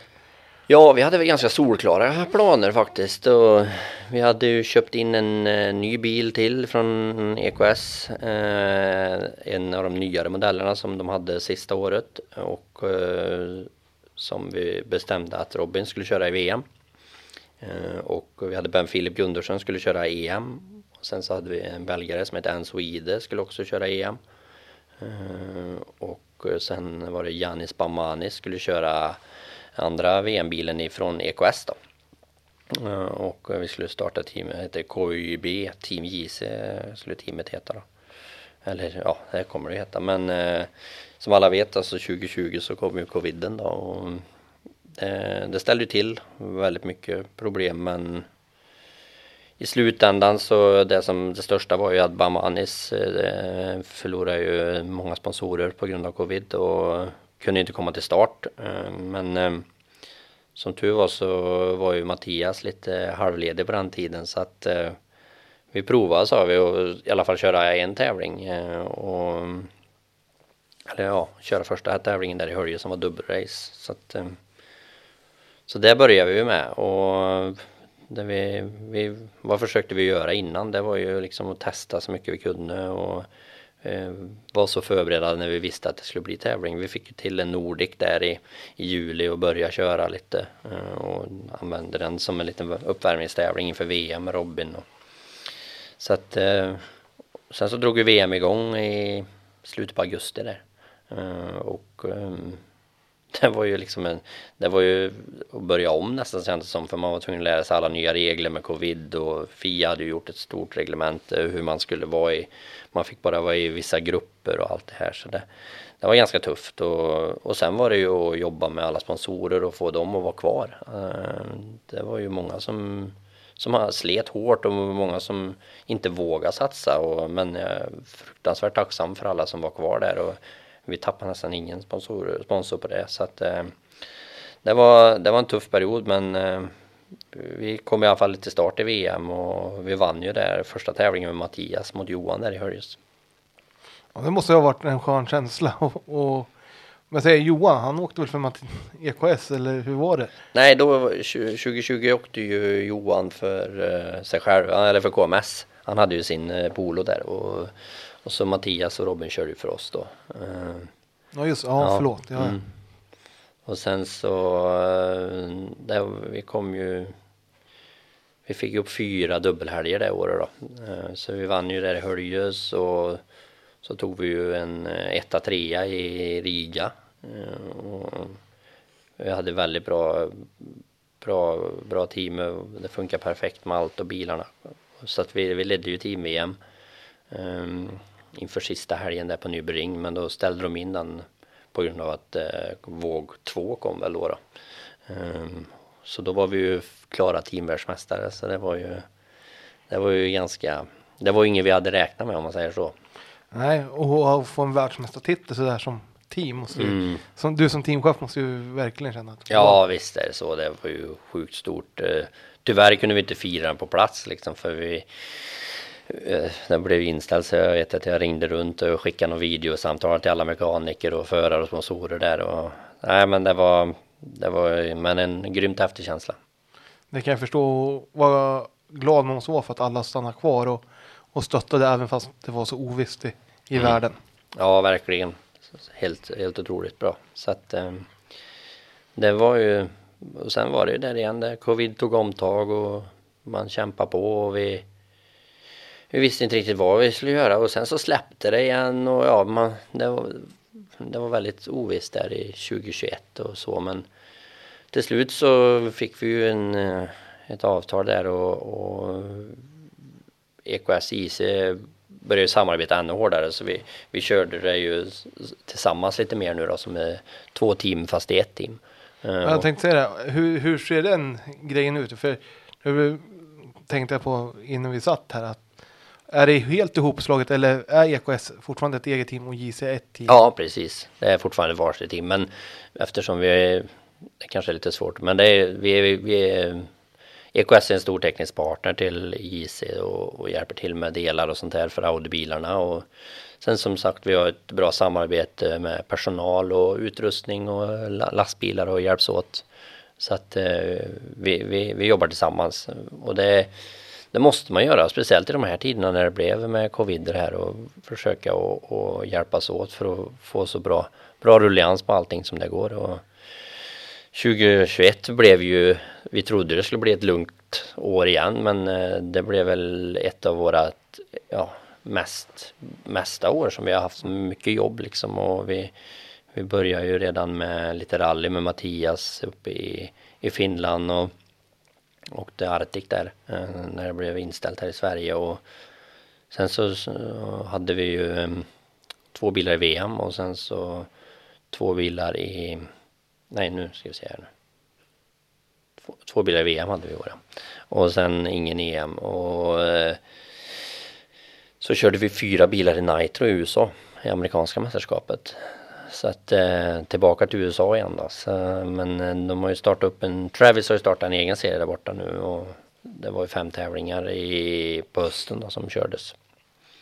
Och, men det som var kul var ju vi fick ju knyta till Johan Kristoffersson då som eh, våran första förare i teamet i VM och vi hade ett riktigt krigarår i år och, och eh, med mycket stolpe ut i början och Kom till finalen med 17 poäng, låg vi väl efter Timmy och det var dubbelrace och efter första dagen var vi väl fyra poäng efter Timmy och eh, efter finalen dag två så hamnade vi på samma poäng men vi vann på fler segrar och tog ett VM-guld som förare så det var, det var riktigt mäktigt, var riktigt häftigt och Det måste ju ha varit riktigt cool, alltså lite Robin Larsson-stuk, alltså och vara lite efter och sen få ta det på mållinjen. Ja, och, vi gav aldrig upp. Alltså vi hade några riktiga jobbiga tävlingar där. Vi hade Johan körde punka i Höljes och sen så hade vi ett växellåsproblem i Frankrike. Och, men eh, som sagt, vi gav aldrig upp och vi kämpade till sista varvet och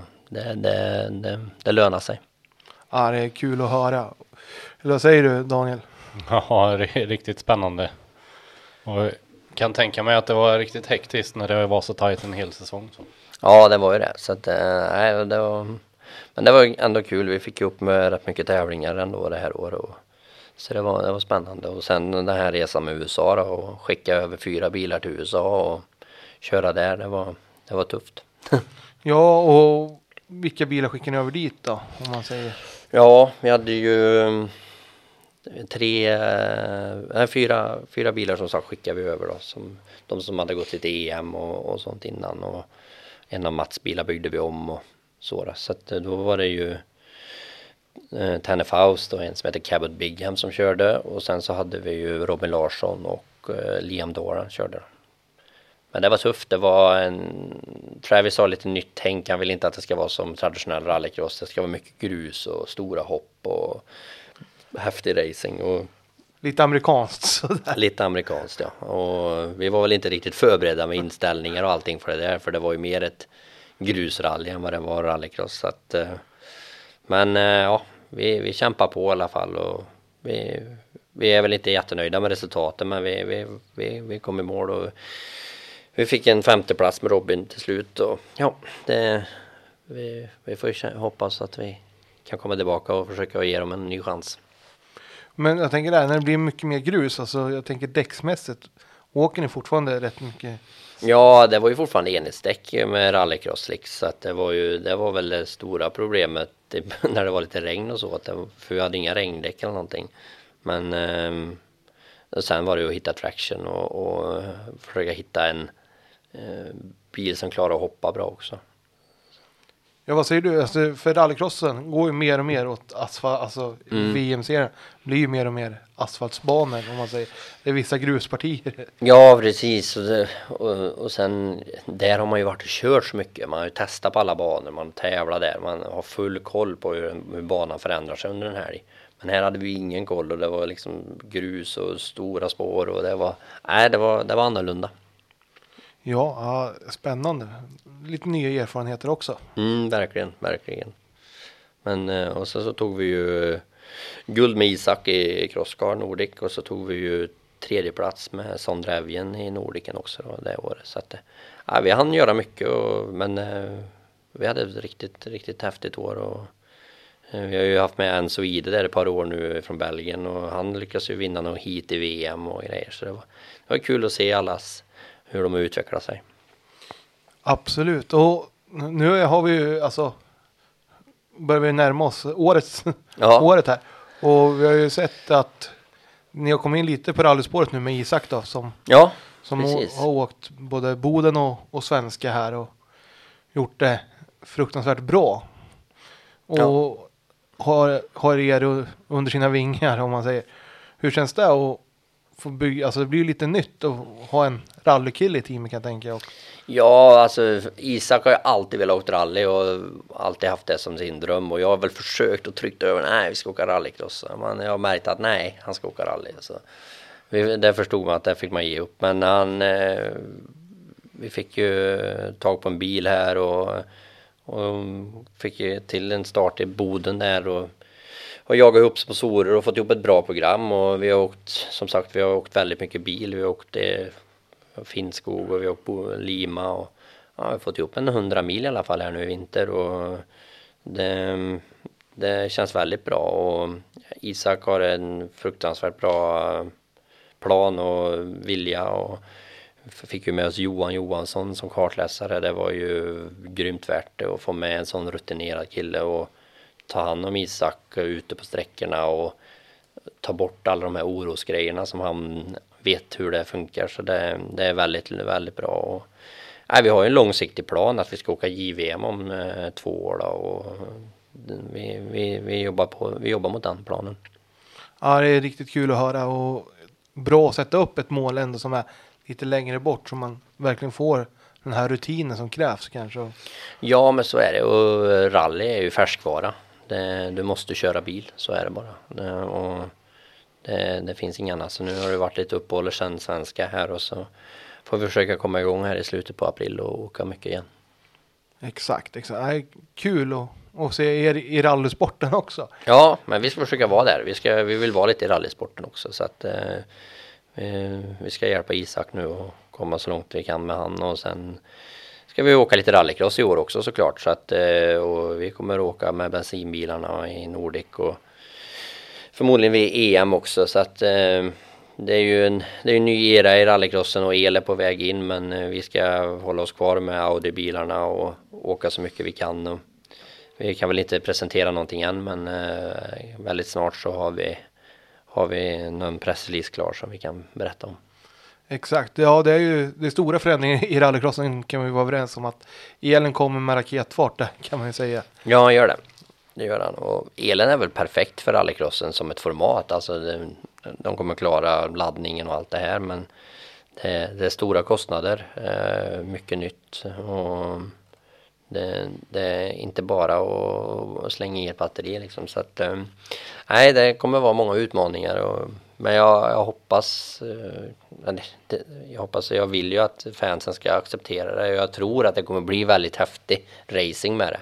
Eh, Men man får bara ge det ett litet tag och acceptera det. Ja, och så får vi se hur länge det håller i sig också. Alltså allt har ju sin tid som sagt. Så är det ju. Och vi får väl se vad framtiden har att, att ge oss. Jajamän, jajamän. Nej, men jag tänker att eh, alltså riktigt kul att du ville vara med och jag skickar över till Daniel här. Jajamän. Eh, Jag har ju stående frågor till varje, varenda gäst i podden. Ja, Även om inte du har kört så kanske du har ett bästa tävlingsminne. Ja, det är nog faktiskt sista tävlingen i år faktiskt. Eh, Nybering när vi vinner förar-VM med Johan. Det, är- det är häftigt. Ja, det kan jag verkligen tänka mig. Eh, sämsta tävlingsminne då? Ja. Jag har rätt många dåliga men jag vet inte den riktiga så värsta är men det kan nog också vara i år, ja det är väl mest för att det ligger fräschast minne men eh, i Frankrike när vi ledde semifinalen och växellådan rasade för Johan i, i Frankrike där, det var, det var inget roligt. Jag förstår. Ehm, en annan som du borde kunna pricka in, det är inte många som gör det, men garagetabbe. Ja, Har du gjort några sådana? Ja, många. många, många.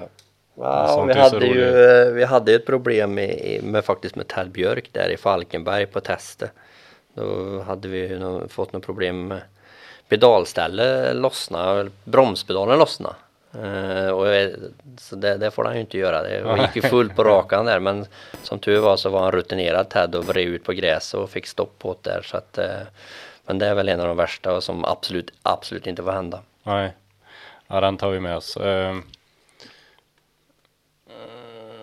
Ja, vad har du med dig för, jag försöker göra om frågan här nu men vad har du med dig ut när det är tävling för att du ska känna att eh, du har koll på allting?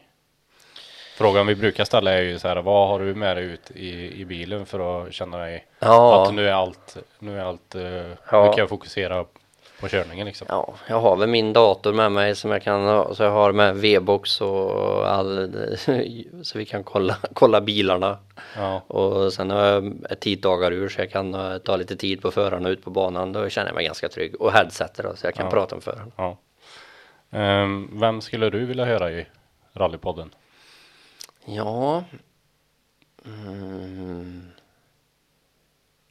Har PG varit med eller? Nej, PG hade varit kul om man kunde vara med. Den passningen tar vi. Ta med Anders Fredriksson också, då kan det bli riktigt roligt. Ja, vi tar med dem. Det tackar vi för. Ja, riktigt kul att höra. Och jag tänker, vi brukar ju ha kartläsarmiss, men jag tänker så här depåmiss kan vi ju ta som du som har varit märkt in fel däck eller något sånt. Finns det något sånt som teamet har gjort? Mm. Ja, vi har inte märkt in fel däck. Men uh, vad kan vi ha gjort då?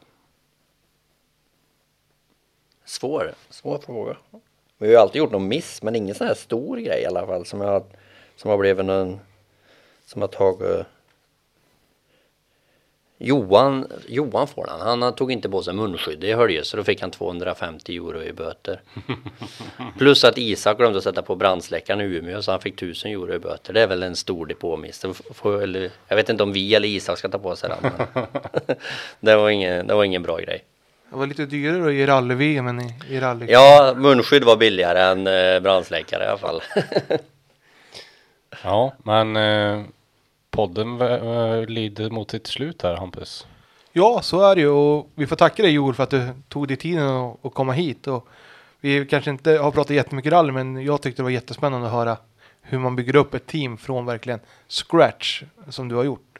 Tack så mycket Och det att ska du ha fick stor elo- eloge för, för det har gjort. För det är ju både för svensk motorsport och även i Amerika har vi hört att det, Ja. det är riktigt kul att höra. Ja, verkligen. Tusen tack för att jag fick komma, görroligt.